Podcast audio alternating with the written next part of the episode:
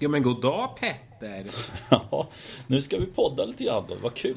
Ja, äntligen. Ja, ja, vi Återigen upp- länge sen sist. Ja, nu samlar vi upp en hel del igen. Eh, men det blir lite så också. Nu, nu, nu kan vi i alla fall ta liksom, att eh, göra ett bokslut på det här året. Verkligen. Nu, nu stänger vi boken för, för eh, 2021 och vi har ett antal eh, bitar här som vi ska tröska igenom.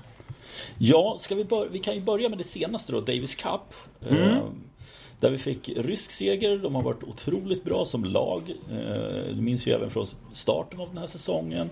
Eh, de går och vinner hela klubbet. Men om vi börjar så kan vi väl ta den svenska delen först då. En positiv överraskning. Eh, en insats där Sverige står för ja, men nästan egentligen mer än man skulle på förhand hade kunnat vänta sig och, och begära. Särskilt Elias tycker jag gör, gör det väldigt bra ifrån sig.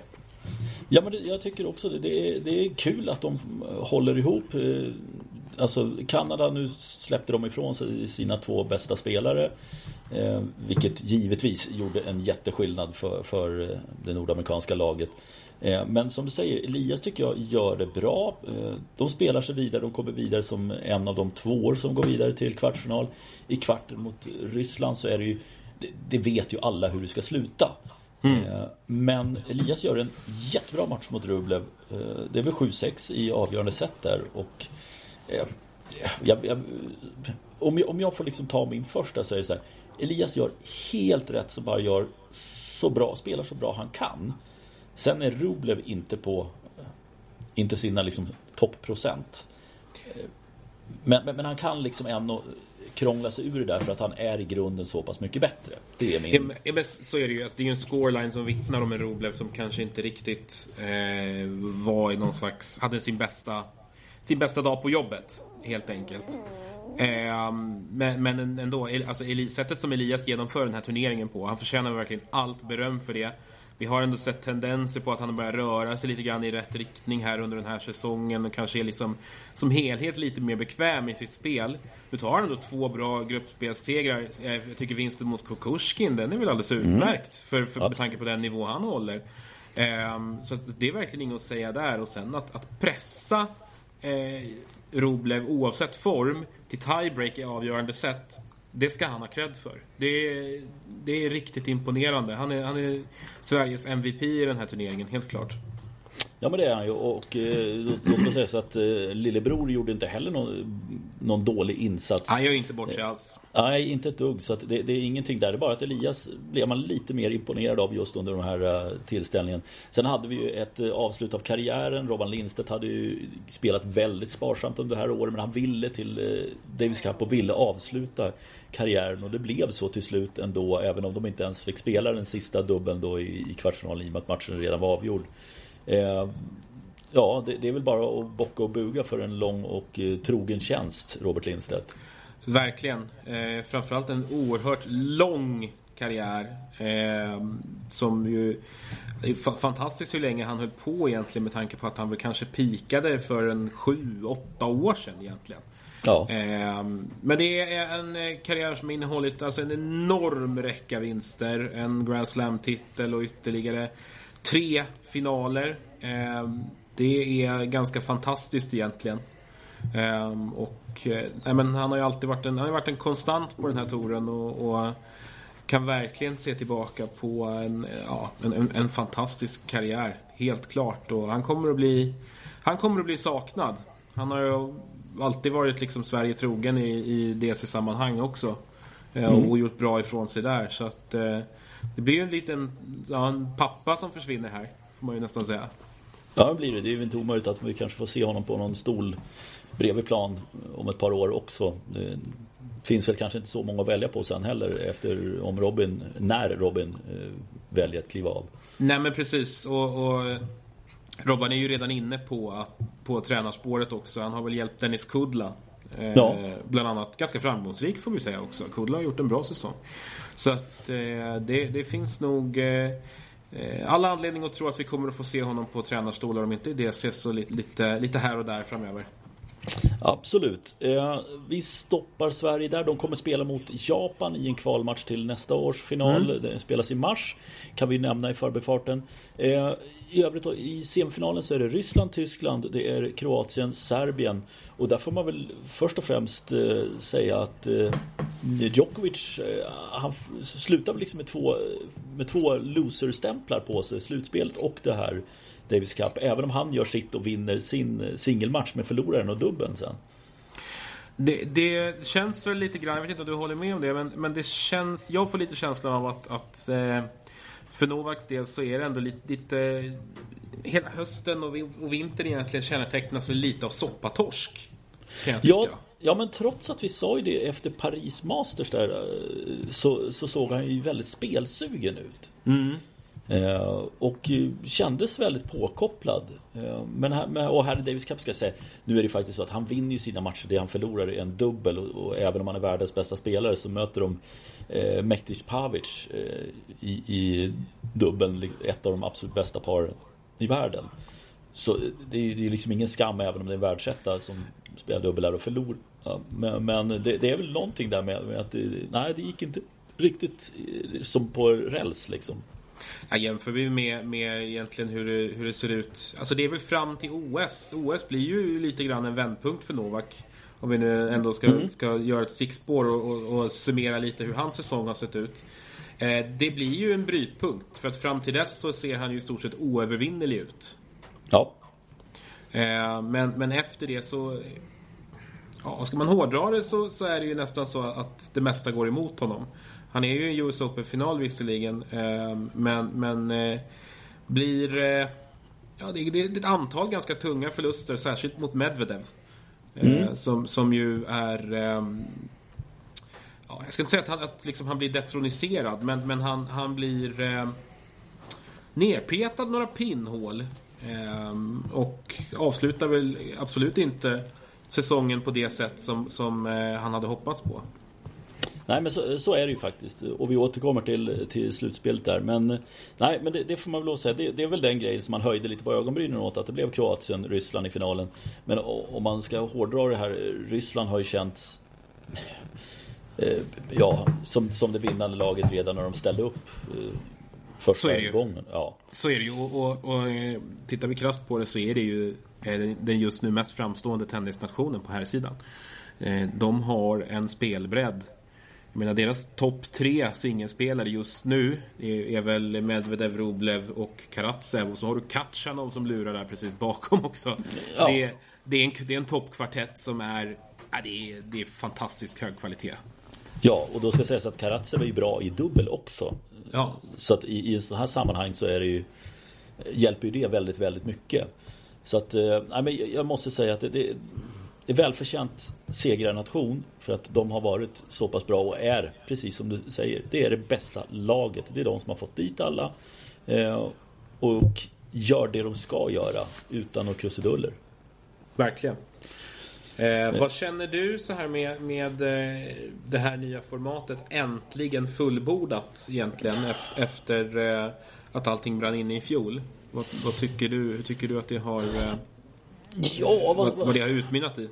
Ja, alltså jag, jag måste ju säga att jag, jag, Tyvärr så måste jag nog säga att jag, jag föredrar vissa saker med det gamla formatet faktiskt. Eh, just det här med hemmamatcher och, och, att den grejen är borta. Och det kommer ju bli ännu värre om man då flyttar till Abu Dhabi istället nu, vilket har snackats om. Eh, så, men jag ska säga på, på, den positiva sidan är ju faktiskt att matchen spelas klart väldigt komprimerat. Mm. Och det kan jag uppskatta. Men jag saknar ändå det här med eh, publikmässigt eh, och ha det, det stödet. Att åka på en bortamatch i Argentina, alltså det, det är sjövilt. Det, och den, den känslan får jag inte. Vilket gör att det blir lite svårare att brinna för den här turneringen när du inte har det. Oavsett lag som står på, står på banan. Eh, jag kan, jag kan hålla med om det. alltså tittar man på formatet rent krasst så är det ju liksom, det är, det är ju inget dumt format på så sätt. Men som du säger, det finns en tävlingsnerv där som, som går förlorad. Och den här just hemma-borta-grejen som man ju inte har i tennisen annars. Nej. Eh, den, är, den är saknad, helt klart. Sen är det ju också en... det är väl kanske i ärlighetens namn heller inte riktigt, riktigt rättvist att utvärdera den här turneringen i och med att det är fortfarande speciella omständigheter. Många är skadade alltjämt, eller sjuka eller inte med av olika anledningar. Mm. Eh, så att, ah, det, det, det, är svårt att vara för hård, men eh, det är åter tveksamt om det här är rätt, rätt väg framåt. Och, och, ska de flytta den till eh, Dubai, ja det är nog inte ett steg i rätt riktning för att göra den mer attraktiv för den utomstående tennispubliken. Det tror inte jag. Nej det tror inte jag heller. Sen kan det vara skönt för spelarna att ha en sån miljö att spela i, absolut. Det, det kan jag inte säga någonting om. Men just som du säger för publik och, och för eh, nationskänslan. Det är ju liksom, för det går ju liksom att dra tillbaka till sådana nu är det långt tillbaka men vi hade ju när Sverige var i, i Ryssland och spelade final. Alltså, det, det finns så mycket sådana grejer där det har varit så mycket känslor inblandat. Eh, och det kommer ju inte fram på samma sätt på det här i det här formatet. Och jag tror inte det kommer göra det oavsett om man kan ta in publik fullt ut eller inte. Tyvärr. Nej, man, man har gjort avkall på en, på en USP eh, för, för, att hitta ett komprimerat format i förhoppning om att få med så mycket eh, bra spelare som möjligt. Eh, tiden får väl utvisa hur bra man lyckas med det. I år, sådär. Det är mm. Djokovic mm. där och eh, de ryska stjärnorna. Annars är det ganska tunnsått. Det är ju långtidsskador på många liksom, team. Hade ju varit här kanske om han hade varit hel. Rafael Nadal möjligen också. Eh, ja, han spelar första upplagan om jag inte missminner mig. Mm. Eh. Så det hade ju kunnat bli bättre. Men nu är, nu är vi där vi är. Vi får se hur det blir nästa år i alla fall. Ja, men jag tror som du att det här ligger ju efter säsongen vilket gör att många vill nog, som kanske har lite småkrämpor, att man hellre vill vila för att bygga upp sig inför nästa säsong. Så jag tror Verkligen. att det, det, kommer vara tufft att, att, få med alla de bästa i alla fall. Mm. Eh, vi tar och flyttar till det sista riktiga som hände i eh, ATP-tennisen och det är ju slutspelet där vi fick eh, en tysk segrare och ja, i vilken ände vill du börja? Ska man, ska man börja där höll jag på att säga eller Ja vad fasiken, Djokovic går rakt igenom, eh, rakt igenom gruppspelet. Det gör Medvedev också. Eh, Zverev går vidare och Rud vänder faktiskt. Helt otroligt att han faktiskt tar sig vidare till, till semifinal, vilket är imponerande. Eh, sen kom vi till, till semifinalen. Jag gjorde Djokovic Zverev och eh, jag måste säga Zverev som jag såg under första, eh, första dagarna också. Han var otroligt bra. Otroligt bra. Mm. Ja. Jag, jag håller med. Jag har sett Zverev i den här turneringen också. Han, han, det känns inte som att... Alltså det, vi har sett det här vid några tillfällen där det finns en sån oerhörd självklarhet i Zverevs spel. Där man tycker att han inte sätter en fot fel. Eh, han har ju en, en, ett sätt att få det här, den här sporten att se väldigt självklar och enkel ut. Eh, när han är... Eh, ja, men när han är formstark. Och mm. hela den här hösten har ju varit hans egentligen. Mm. Efter US Open så, så får vi väl säga att han är sammantaget Ja, man skulle nästan kunna räkna med US Open också i och med att han vinner OS-guldet faktiskt. Att, att han är mm. den bästa spelaren under andra halvan av året egentligen. Mm. Ehm, och eh, jag, man kan inte bli annat än imponerad av hur han genomför den här turneringen. Eh, särskilt hur han växer under den. Ja. Med, med, med tanke på att han har lite, han får en bökig start liksom. Han förlorar mot Medvedev i gruppspelet väl och, och eh, mm. sen, men, sen tar gruvlig revansch. Ja, men där, där måste jag säga, okej, okay, match 2 och 3 i gruppspelet blir ju lite skrattmatcher i och med att Berrettini inte spelar klart och, och Hurkacz kommer in från sidan. Eh, men, men jag tror just den där förlusten mot Medvedev, för där hade det kunnat bli så också att, att han hade gått och hängt, huvud, hängt med huvudet istället. En oerhört här, tight match ska sägas. Den var oerhört tight och, och det hade mycket väl eh, nästan större sannolikhet att Sverige skulle gått vinnande ur den faktiskt. Eh, men han tar det liksom på rätt sätt och tar med sig att han var så bra i den. Och sen kan han fortsätta och, och just eh, avslutningen som han gör i, i semifinal och final. Det är helt sanslöst vad bra han är. Eh, för Djokovic var inte dålig. Han blinkade till lite grann i första set, ja, då gick det åt helvete. Sen lyckades Djokovic vinna på typ två, tre svaga bollar av Zverev i andra.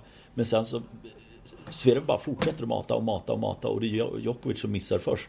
Eh, så att det, det, nej, det är otroligt imponerande seger måste jag säga. Ja, jag tycker det också. Ehm, och den här nervositeten som har varit så närvarande hela tiden och liksom legat där och bubblat under ytan alltid. Är ju verkligen som, som bortblåst nu. Ehm, det, det, det, känns... Eh, Han känns oerhört trygg där ute. Och eh, man är, spelmässigt är jag väldigt imponerad av Zverev. Och hur sättet han, han verkligen lyfter sig. Och jag, jag skulle, nog, jag skulle nog säga att, att inför nästa säsong eh, och när vi får rankingen tillbaka så som den ska vara. Frågan är om, om det inte är så att vi nästan har Zverev, eller jag i alla fall har Sverev som favorit att eh, åtminstone avsluta året som, nästa år som världsetta. Mm, ja, bra. Det, det, där får vi, det där får vi ta och borra djupare i, i ett senare mm. avsnitt. Eh, men det är väl en intressant tanke om man inte eh, att det fälls krokben på vägen på grund av andra saker han sysslar med. Det, det, eh. det, finns ju en hel del att säga om, om, om eh, privatpersonen Zverev och den karaktär som han besitter. Men, men eh, om vi gör det enkelt för oss och separerar hon, honom från tennisspelaren Zverev så tycker jag att han har blivit oerhört duktig poängsamlare. Mm. Han är just nu tillsammans med Novak Djokovic den bästa Masters-spelaren vi har. Den kanske mm. bästa spelaren i världen över, över tre set. Mm. Eh, han är i alla fall där och, och snackar om titeln. Han är inte särskilt skadekänslig. Han verkar inte överdrivet liksom tryckt av, av ett eh, hårt spelschema heller.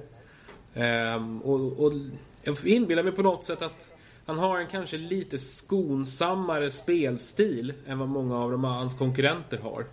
Ja. Eh, han har ju inte den här sjuka punchen liksom och, och har ju en sån räckvidd så att det känns inte som att han riktigt belastar kroppen på samma sätt som de andra gör heller. Och har inte den här sjuka serven som kan påverka axlar och, och leder och sånt utan Ja, då ska man säga att han har en sjuk serve men inte Han har ju det, men den är, det, är ju inte, det är inte allt. Den är ju Nej. liksom naturlig på ett sätt i och med ja. att han har sin storlek liksom. Ja. Så att det, det känns som att han har eh, uthålligheten och, och liksom kan hänga i på så sätt att han kan samla tillräckligt med poäng för att, för att eh, utmana om en världsetta titel, tror jag, nästa år. Vi får se. Det får vi göra. Eh, ska vi, om vi ändå har liksom eh, kanske avklarat det här eh, slutspelet då. Om, mm. Eh, du var lite sugen på det här Next Generation och Sverves får man väl lov att säga att han har passerat den biten. Precis. Eh, som jag ser det så finns det väl liksom två led i det. Dels har du liksom de, det absolut yngsta gardet som gör upp i Next Gen slutspelet. Carlos Alcaraz tycker jag visar supertydligt att han är vår nästa superstjärna på den här, eh, på den här stora scenen. Mm. Eh, det tycker jag han har visat gradvis allt tydligare under hela den här säsongen. Det är en, en, spelare som har ett, ett, liksom ett oerhört effektivt vapen i sin forehand och, och verkar ha bra skalle. Så att där kan det bli hur, som, liksom hur bra som helst. Men jag känner över, överlag, om vi, om vi pratar eh, om vi pratar liksom generationsväxlingen som helhet. Det känns att vi har tagit ganska stora kliv på den fronten mm. i år. Mm. Inte minst med eh, Medvedevs eh, seger mot Djokovic i US Open-finalen. Ja men absolut. Nu tillhör ju inte han, vad ska man säga, han är ju nästa generation fast inte next generation. Så kanske man ska Alla är ju nästa generation som inte är födda på 80-talet egentligen. Ja, skulle vi kunna ja. ja det kan man, ja. Eh, det är rätt. Han, han, han är ju lite äldre i alla fall. Medvedev. Men visst, att det, det, det kommer hända saker här nu. Eh, jag tror också att det är Djokovic han kommer inte lyckas göra ett lika bra 22 som han gjorde 21. Eh, han skulle kunna nypa Australian Open, möjligtvis Wimbledon tror jag. Jag tror inte att det finns möjlighet för fler än max två. Eh, Zverev känns som att han är på god väg. Medvedev har redan visat det. Nadal givetvis finns också med som en, eh, som en möjlig eh, vinnare i Paris i alla fall. Eh, men sen tycker jag sen är det svårt för jag vet inte vem som känns vad ska man säga mogen, värdig att lyckas vinna en, en Grand Slam-titel. Alltså de, de som Med, Medvedev är ju en jätteutmanare i åtminstone två av dem. Och det är den, den tendens som är allra tydligast tycker jag är att eh, Djokovic och Nadal, jag pratar inte om Federer längre för att han är inget hot på det sättet alls. Vi vet inte nej. ens om han kommer till spel nästa år. Det är väldigt mycket som är oklart. Men eh, Djokovic och Nadal koncentrerar ju sina insatser till början på året. Ja. Eh, allt mer. Men Djokovic har inte vunnit US Open sedan 2018 och han har inte vunnit eh, ATP-slutspelet sedan 2015. Nej. Eh, det säger ändå en hel del om hur svårt det är att vara bra över ett helt år. Ja. Så att i år så tyckte jag att det var uppenbart att andra halva var liksom vikt åt Medvedev, åt Zverev, åt Tsitsipas möjligen då. Eh, och det kommer, det kommer nog bli en ännu tydligare tendens. Frågan är hur mycket de kan blanda sig i liksom början på året. Att, att störa Nadal i, i grusmasters-turneringarna och slutligen i Franska öppna och att kunna utmana Djokovic som Australian Open. För att i början på förra året, alltså den är, ja, Medvedev blev ju tilltryckt i Australian Open-finalen och, och Djokovic var ju dominant i början på säsongen. Så var det ju.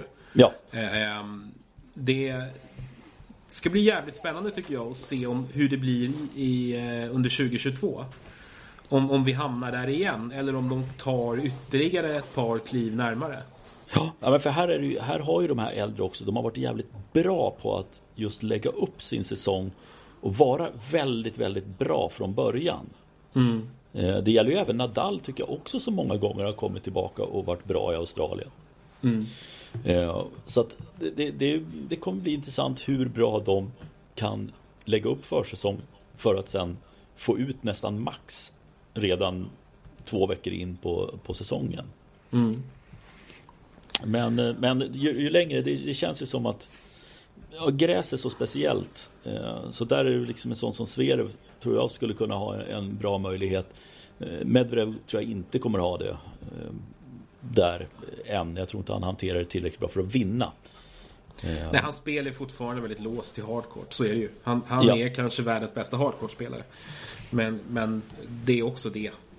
Eh, särskilt mycket mer är det inte. Just Nej, är nu. ju- Precis, just nu. Så det, det blir, men, men ett par, tre stycken kommer kunna blanda sig i där eh, i att vinna. Eh, Och då har vi ännu inte tagit med den långtidsskadade Dominic Thiem som vi inte vet heller riktigt hur han kommer tillbaka. Även om träningen kommer igång nu och han har kört en hel del, jag har sett lite bilder och så. Eh, eh, Kommer han, men han, han känns ju inte som att det är, för honom är det ju franska, möjligtvis US Open då. Som, som kan vara de titlarna som han Ja, kan. jag, jag, jag, tror, jag tror att vi får utgå från en ganska lång startsträcka för honom. Mm. Eh, definitivt. Eh, definitivt. Men här, här är det, vi var inne på det tidigare också, undrar om hans hårda matchande tidigt i karriären är det som har eh, straffat honom nu. Det, det har varit svårt tycker jag överlag att få inblick i exakt hur, vad hans problem består av. Han har ju hållit väldigt, väldigt låg profil här under sitt skadeuppehåll. Eh, och, och inte, inte varit liksom... Det har varit lite coachstrul och, och det har varit lite vaccinskepsism och sånt där. Känns som ett stökigt år överlag för team. Hela 2021 har ju i princip försvunnit för honom. Eh, Ja. fyllts av dåligheter. Så ehm, det, han, han, verkar, han verkar ha en lång väg tillbaka. Det, det är i alla fall känslan jag får. Och eh, som det känns för min del så jag, jag ser honom inte som ett hot inför 2022 just nu. Eh, det, det, det tror jag kommer dröja. Ja, be behöver komma, du behöver se resultat helt enkelt. Ja, det, det, verkligen. det är inte självklart att han kommer landa på fjärde plats. Nej, Nej det, det är det verkligen inte. För han har ändå varit precis bakom Federer, eller förlåt, eh, Djokovic och Nadal tidigare.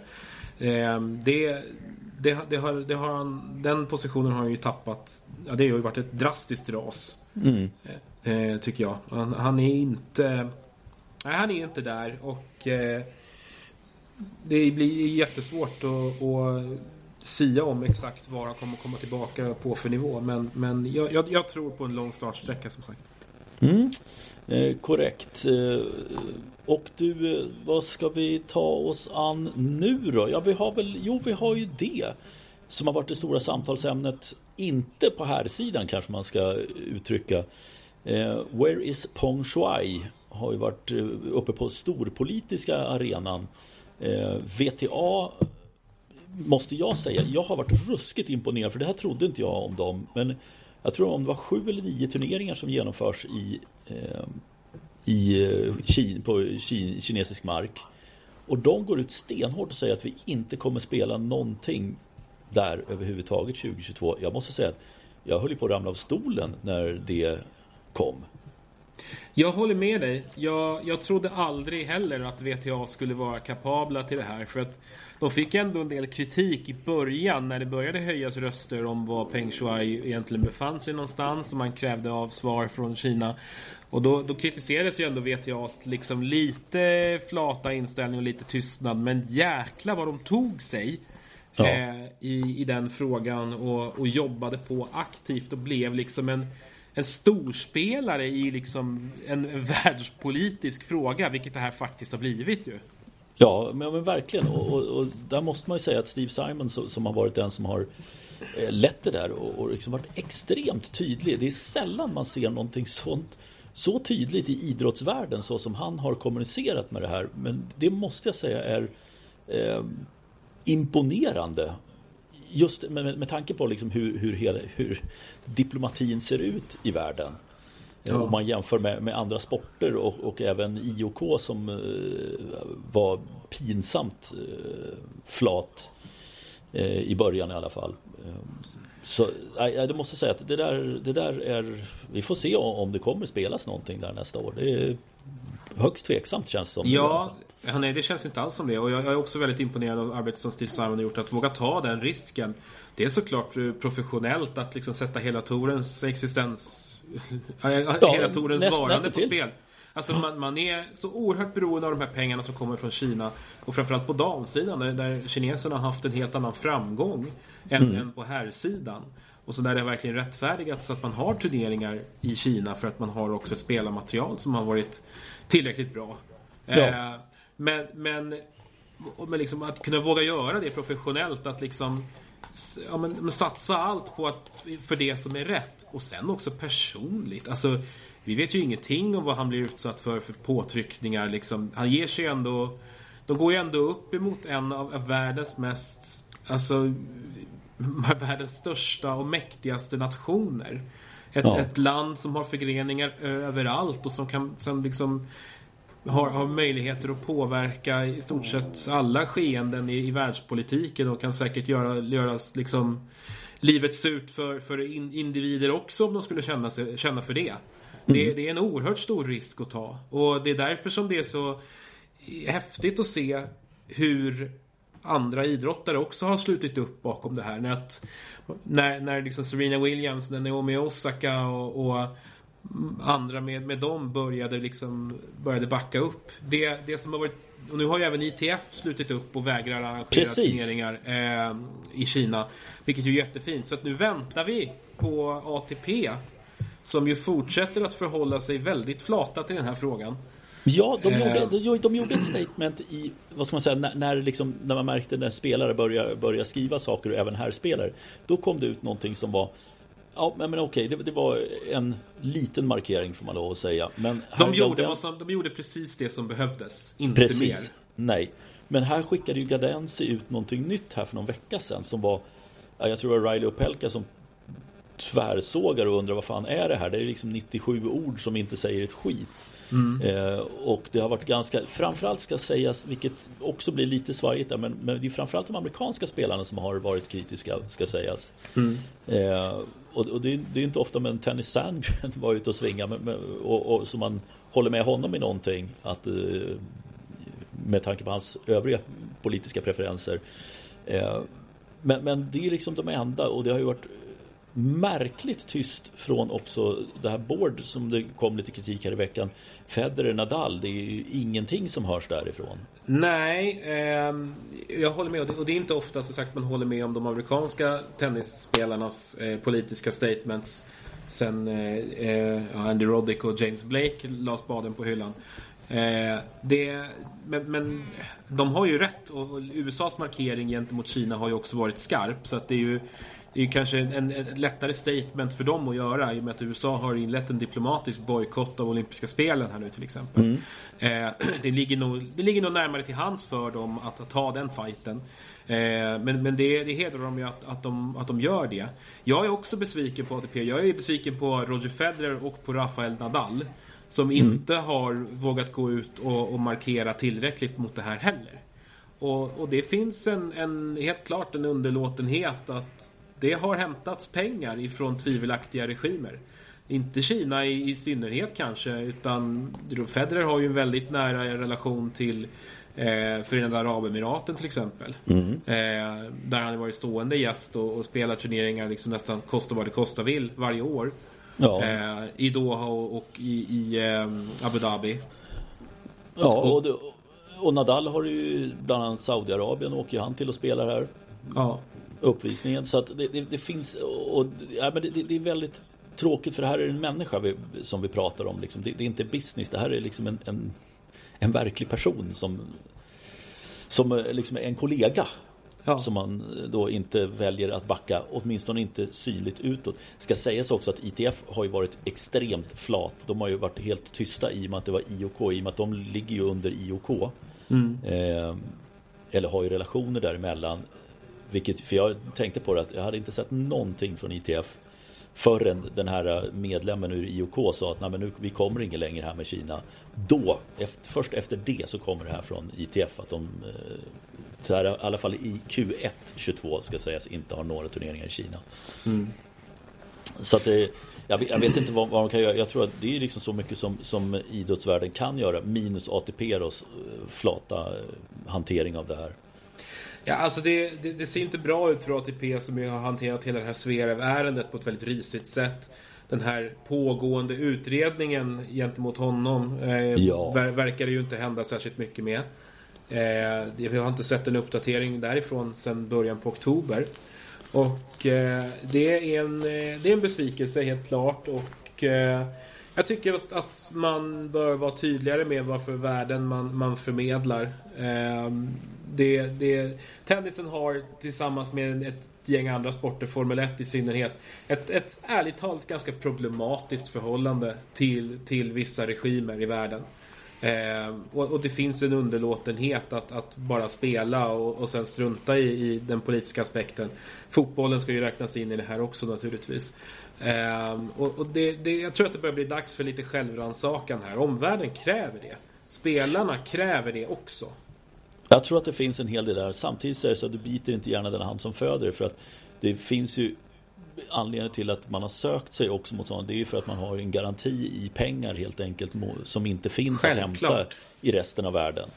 Eh, Självklart. För uppenbarligen finns det inte då tillräckligt många som är beredda att betala och, finns inte företag som är beredda att lägga de pengarna på att ja, få en tennisturnering till en europeisk stad till. Liksom. Utan det, det, det, finns inte det. Utan då, då blir det att gå dit där du ser en potential i det. Så det, det är, ja, det är väldigt problematiskt. Eh, det, och jag vet inte, det, det kommer inte komma någon lösning tror jag när det gäller den biten just om man tar det större där att liera sig med tvivelaktiga regimer. Det, det tror jag inte för att det, det, är för mycket pengar nu så att de kan inte backa ur det.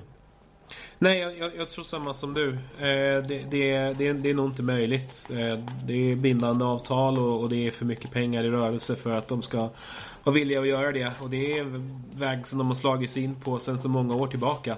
Det skulle ju innebära ett jätteskifte och ett, och ett vägval som, som skulle bli oerhört dramatiskt för, för hela touren. Och det finns nog massor med spelare som inte är beredda att göra avkall på liksom den livsstilen Nej. Och de, och de pengarna som rullar in när det väl kommer till kritan. Eh, om, om det skulle bli skarpt läge så att säga och man skulle välja att undvika den här, den här typen av länder liksom, och, och in, välja att inte spela där. Mm. Uh, nej, nej det, det, var beklämmande det här med ATP i alla fall. Men, men verkligen en jätteloge till eh, VTA och eh, Steve Simon som eh, jag tycker har gjort ett eh, hedersvärt jobb på den internationella sport och politiska scenen. Verkligen. Hör du, ska vi ta något gladare kanske? Ja, men det gör vi. Eh, jag satt och plitade lite grann på min kammare och bara letade upp lite grann så här, om man skulle hitta något så här eh, vad, vad, vad, folk har gjort i år. Jag, jag mm. lyckades skaka fram några kategorier här. Eh, så får du hugga på det här. Ja, ja, ja jag står beredd med reflektioner. Ja, årets flopp börjar jag med.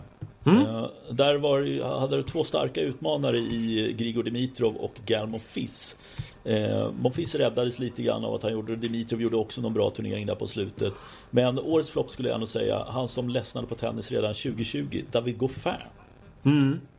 Eh, känns som att det bara försvann. Han vann en titel där inne i, i Frankrike tidigt under 21. Sen har det liksom bara rasat och, och la väl ner säsongen också tidigt. Det känns som att resan från, är det två och ett halvt år sedan som han tog set på eh, Novak Djokovic i Wimbledon-semifinalen? Ja, det kan det ha varit va? Eh, ja, det känns som att den här ja, men pandemin har verkligen varit ett dråpslag för hans tennisintresse. Måste det ja. ha varit. Han ser ja. druggigt oengagerad ut. Jag håller med om, om den här utnämningen. Eh, han har presterat otroligt låg nivå på sin tennis i förhållande till vad han i själva verket kan. Eh, och det är lite så här så att man undrar varför han fortfarande håller på. Om, om det ska se ut på det här viset. För att visst, det har varit lite skador. Men mm. som jag har förstått det så har det väl inte riktigt varit på, den, på en sån nivå att, att man har liksom kunnat prata att det är hämmat honom på den, ja, men, så till den här graden. Liksom. Nej men verkligen inte. Utan han landar på 70 plats på racet. Eh, och det är väl mycket tack vare framförallt då den, den, titeln han, han tog i, där på fransk mark. Eh, jag tar och går vidare till något som heter Årets toppar och då tar jag bort så här Medvedev Djokovic utan lite mm. bakom mm. där i alla fall. Mm. Och då går det inte att komma från en Jannik Sinner som är ung, vinner fyra titlar i år och Kasper Rud. Mm. Så jag tar, jag tar, två där. Jag tycker det, och Rud framförallt, jag vet att han är bra på, på grus och i, i somras var han ju omöjlig att vinna i de här mindre, eller omöjlig att slå i de här mindre turneringarna i juli. Eh, men sen visar han även att han kan ju spela på hardcourt också. Och det, jag tycker att där, där är en som har imponerat så enormt mycket på mig med inställning och uh, sin professionalitet och personlighet också ska sägas. Uh, och Sinner tycker jag bara mata på. Lärde sig en sak tyckte jag var väldigt intressant från förlusten mot Tiafoe i Wien. Helt plötsligt har han efter det har han börjat ta, sig, ta med sig publiken på ett helt annat sätt än vad han gjorde innan. Han har varit lite, jag tycker också det, han har varit lite så här gråmus mm. eh, på banan. Spelmässigt skicklig naturligtvis, men, men lite, lite för lite karaktär, lite för lite hjärta liksom. Mm. Eh, som att han nästan har varit rädd för att det ska slå över eh, och att han inte ska kunna, kunna hantera det. Eh, men jag håller också med om att det har hänt grejer där. Och hur han fortsätter att stadigt ta så fina steg. Mm. Menar, han, hans year-end ranking har gått från 78 till 37 till 10. Ja. Eh, under de här tre åren som han har spelat på touren. Och jag fick ju faktiskt rätt där till slut. Man som plockade in honom topp 10 inför den här ja. säsongen. Att han kommer att greja det. Eh, och det gjorde han ju med minsta möjliga marginal. Så den är jag nöjd med. Ja, det eh, förstår jag. Men, men han, han har ju spelat under en så stor press. Alltså han kom ju fram som ett underbarn, eh, skrevs upp i väldigt, väldigt, väldigt ung ålder. Han börjar ju kännas som en som har varit med länge nu. Det har han ju inte. Han Nej, är ju fortfarande alldeles hysteriskt ung. Eh, 20 år gammal bara. Har redan tre nästan fulla säsonger bakom sig. Eh, och, och, har liksom klättrat in topp 10. Fortsätter att ta, ja det har inte lossnat 100 i slamsen. Men han är ändå där, har gått till, till andra veckan några gånger nu. Det går i rätt riktning hela tiden. Han skruvar på saker. Han blir gradvis bättre. Det kommer något litet bakslag. Han tar ny sats, backar ett steg och, och liksom gör sig själv bättre hela tiden. Det är en väldigt lovande utveckling på, på Jannik Sinner, helt klart. Mm. Eh, jag slänger upp årets överraskning där då. Där hade en överraskning är en sån spelare som Hubert Hurkacz förstås som gick och vann Miami bland annat. Eh, men den jag skulle säga ändå, Hurkacz har ändå varit med, men den som för mig blir överraskningen det är eh, Aslan Karatsev. Mm. Måste jag säga. För, för mig så var det en Challenger-lirare som helt plötsligt flyttar upp liksom fem pinnhål och är uppe och tävlar med de bästa helt plötsligt. Mm. Eh, ja. Och jag, jag fortsätter. Förlåt. Ja, men jag för mig att vi också, också satt och pratade om honom lite grann inför förra säsongen. Att det var en spelare som, hade, som vi hade sett att hade rört på sig för mm. under, under, eh, under, på Challenger-touren. Han hade ju sopat rent där egentligen under 2020 och gjort liksom en jätteklättring. med nästan 200 placeringar. Och efter att liksom ha harvat hela sin seniorkarriär och inte mm. kommit loss, ansedd talang som, som junior. Eh, det, det, är en, det är en jätteöverraskning. Eh, och framförallt sättet han spelade på i början på säsongen. Det var ju ruggigt imponerande. Eh, och underhållande. Ja. Alltså, alltså verkligen, det var någon slags totaltennis. Alltså det, det, det, det var som när, när han var i, i, i sån där sinnessjuk form i Australian Open så var det som att det inte... Det fanns liksom inga blottor i spelet överhuvudtaget. Vad, vad, ska, vad ska han kunna göra bättre? Jag, jag vet inte, jag har inget. Allting är nästan perfekt. Det, ja. det, det, var lite så jag upplevde det i alla fall. Ja, ja men verkligen. Men sen, sen får man lov att säga, för han, han försvann en vända och det vet jag också att vi noterade under sommaren tror jag det var. Ja. Eh, men, men, sen så hände det liksom någonting. Han gick ju och vann i Moskva.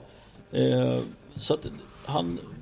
Det, liksom, det, det fanns grejer där och var i åttondelen i Indian Wells. Så att det är liksom... Han fortsatte att göra en hel del result, liksom hyfsade resultat fortsättningsvis också. Sen mm. tror jag inte att han kommer kunna svara upp till den Australian Open nivån nästa säsong. Men väldigt roligt att se honom den här säsongen. Verkligen. Sen ska vi också eh, framhålla det faktum att han var ju nådde final i mixed i Franska öppna. Ja, just eh, det. Eh, han, han nådde även final i eh, eh, se, det, var någon, det var en av Masters-turneringarna var tillsammans med Roblev. Eh, Indian Wells. Eh, i, I dubbel också. Eh, och eh, vann ju OS-silver i mixed. Så att eh, det, är, det är en karriär som, som spänner liksom över hela tenniskartan, eller ett tennisår som spänner över hela kartan. Med framgångar ja. i alla discipliner egentligen. Även om ja. mixed dubbel kanske inte är den vi värderar allra högst. Nej, men det, det, är, det är ändå han är där fram. Han väljer ju att spela dem också, vilket är eh, rätt roligt. Ja. Eh, det, det, måste man ju säga. Vi, då, jag går vidare till nästa, för här kommer en Kör. som också har gjort det ganska bra. En kille som heter, som jag har döpt till årets rankingkämpe. Mm. Och vem kan det vara som har krigat och krigat och krigat? Jo, det är ju Holger Rune, vår danske ja. vän. Eh, som jag tycker eh, han var ute och, sa också det här med rankingen som är så enormt missvisande. Eh, han placerar sig på rankingmässigt på 103 plats när det här året summeras. Eh, och jag tycker att hade det varit ett normalt år så hade han varit mycket högre om inte den rankingen hade sett ut som den har gjort nu under den här säsongen. Eh, men där måste man säga att han har kämpat på. Han 67 plats på racet ska sägas. Mm. Eh, så att han, han, kommer vi nog få se mer av nästa år och förhoppningsvis då att han inte brände allt krut i år utan att han fortfarande kan ta nästa kliv igen. Han, klätt, han klättrade ju oerhört fint hela säsongen och, och, som du säger, han pratade ju om det och var ju verkligen i praktiken alltså svårt motarbetad av det här rankingsystemet. Vi ska, vi, ska, vi ska notera det att han började ju liksom Han började ju på future-nivå i, eh, i början på 2021 ja. och runt 500 i världen. Och avancerar alltså så kraftigt att han är en ATP-spelare vid årets slut. Och som sagt på racet då en, en klar topp 100-spelare. Alltså, och, och, har ju en kapacitet nästa år att definitivt gå in topp 50. Att, att förmodligen höja sig ännu mer. Eh, alltså, jag vet inte hur, hur stora förhoppningar vi ska ha men, men eh, potentialen finns ju definitivt där. Så vet jag inte om han blir sporrad av sina skandinaviska kollegor. Det är ju, det är ju en positiv trend över hela Skandinavien egentligen. Mm. Ehm, får vi ju faktiskt säga. Ja men det är det ju faktiskt. Vi har ju Rusovori och vi har eh, Kasper Rud som de stora och Micke Ymer är ju också där i, i de trakterna. Så att, eh, eller lite längre ner ska vi säga. Men, men det är så det finns ju någon från varje land här i, i Norden minus Island. Då. Mm. Eh, jag har två kategorier kvar lite kort här. Årets adjö kanske, men ändå eventuellt Roger Federer. Jag har så svårt att se att han kommer komma tillbaka till mer än att han på sin höjd spelar ja, Det skulle vara att han avslutar i Basel till hösten. Det finns väl inget datum satt va? Nu för när, mm. när han ska kunna vara tillbaka. Nej. Och det känns ju som att hans kropp motarbetar honom mer och mer och mer och mer. Eh, mm. Så att... Eh, nej, Ehm, det, det känns verkligen som att det sista kapitlet snart skrivs. Han verkar ju verkligen inte vilja det själv men ehm, de kom, det kommer ju kastas wildcards på honom så, så, i, så fort han vill. Eh, ja. Naturligtvis. Eh, han kommer ju kunna spela tills han är pensionsmogen om han skulle vilja göra det. ja, Vilket vi hoppas att han inte gör då. Men. Eh, mm. Eh, och får vi se också om Stan Wawrinka kommer tillbaka. Det är väl också en sån spelare som jobbar sig Ja, nu han skulle väl vara tillbaka. Han skulle missa Australian Open här till att börja med. Jag tror att han skulle vara tillbaka först mars-april tidigast. Ja. Eh, har det sagt. Så att eh, det går trögt. Han håller på med bitcoins grejer va? Så att... Eh, mm. Mm, han har att göra. Han har att göra. Jag har en sista kategori och det är faktiskt årets regeländrare. Mm -hmm. Stefano Tsitsipas. Ja, to toalettkungen. Precis, toalettkungen. Nu har de ju stramat upp det där så att det inte ska kunna gå att springa kors och tvärs utan att det kommer vara tydligare regler för vad som gäller och det måste man ju säga är egentligen på en match. Eh, som det i alla fall, han hade ju utnyttjat det lite för mycket kanske. Hade han inte gjort det så mycket så tror jag inte det hade skett någon ändring. Men det var lite för i ögonfallandet på de största arenorna. Fel tillfälle Stefanos. Nu får du spela tennis istället för att gå och gå på toaletten. En eh, nödvändig eh, regeländring skulle jag säga. Eh, ja, eh, Bortsett från, från eh, den otroligt dåliga ordvitsen så eh, håller jag med fullt ut. Jag bjuder på det. Ja, men härligt. Känns det som att vi är eh, klara? Jag tror det va. Vi ja. eh, siktar väl på att vara tillbaka någonstans till årsskiftet kanske. Då ja. eh, turner turneringarna börjar ticka igång så sakteliga. Ja men det vore väl trevligt. Och kanske ja. tippa en, en topp 10 eller topp 20. Ja. Det tycker ja, vi får jag se. definitivt att vi ska göra. Holger Rune, ja. kanske topp 20. Kanske, kanske. Vi får se. Mm. Mm. Tack för idag. Tack. Hej. Hej.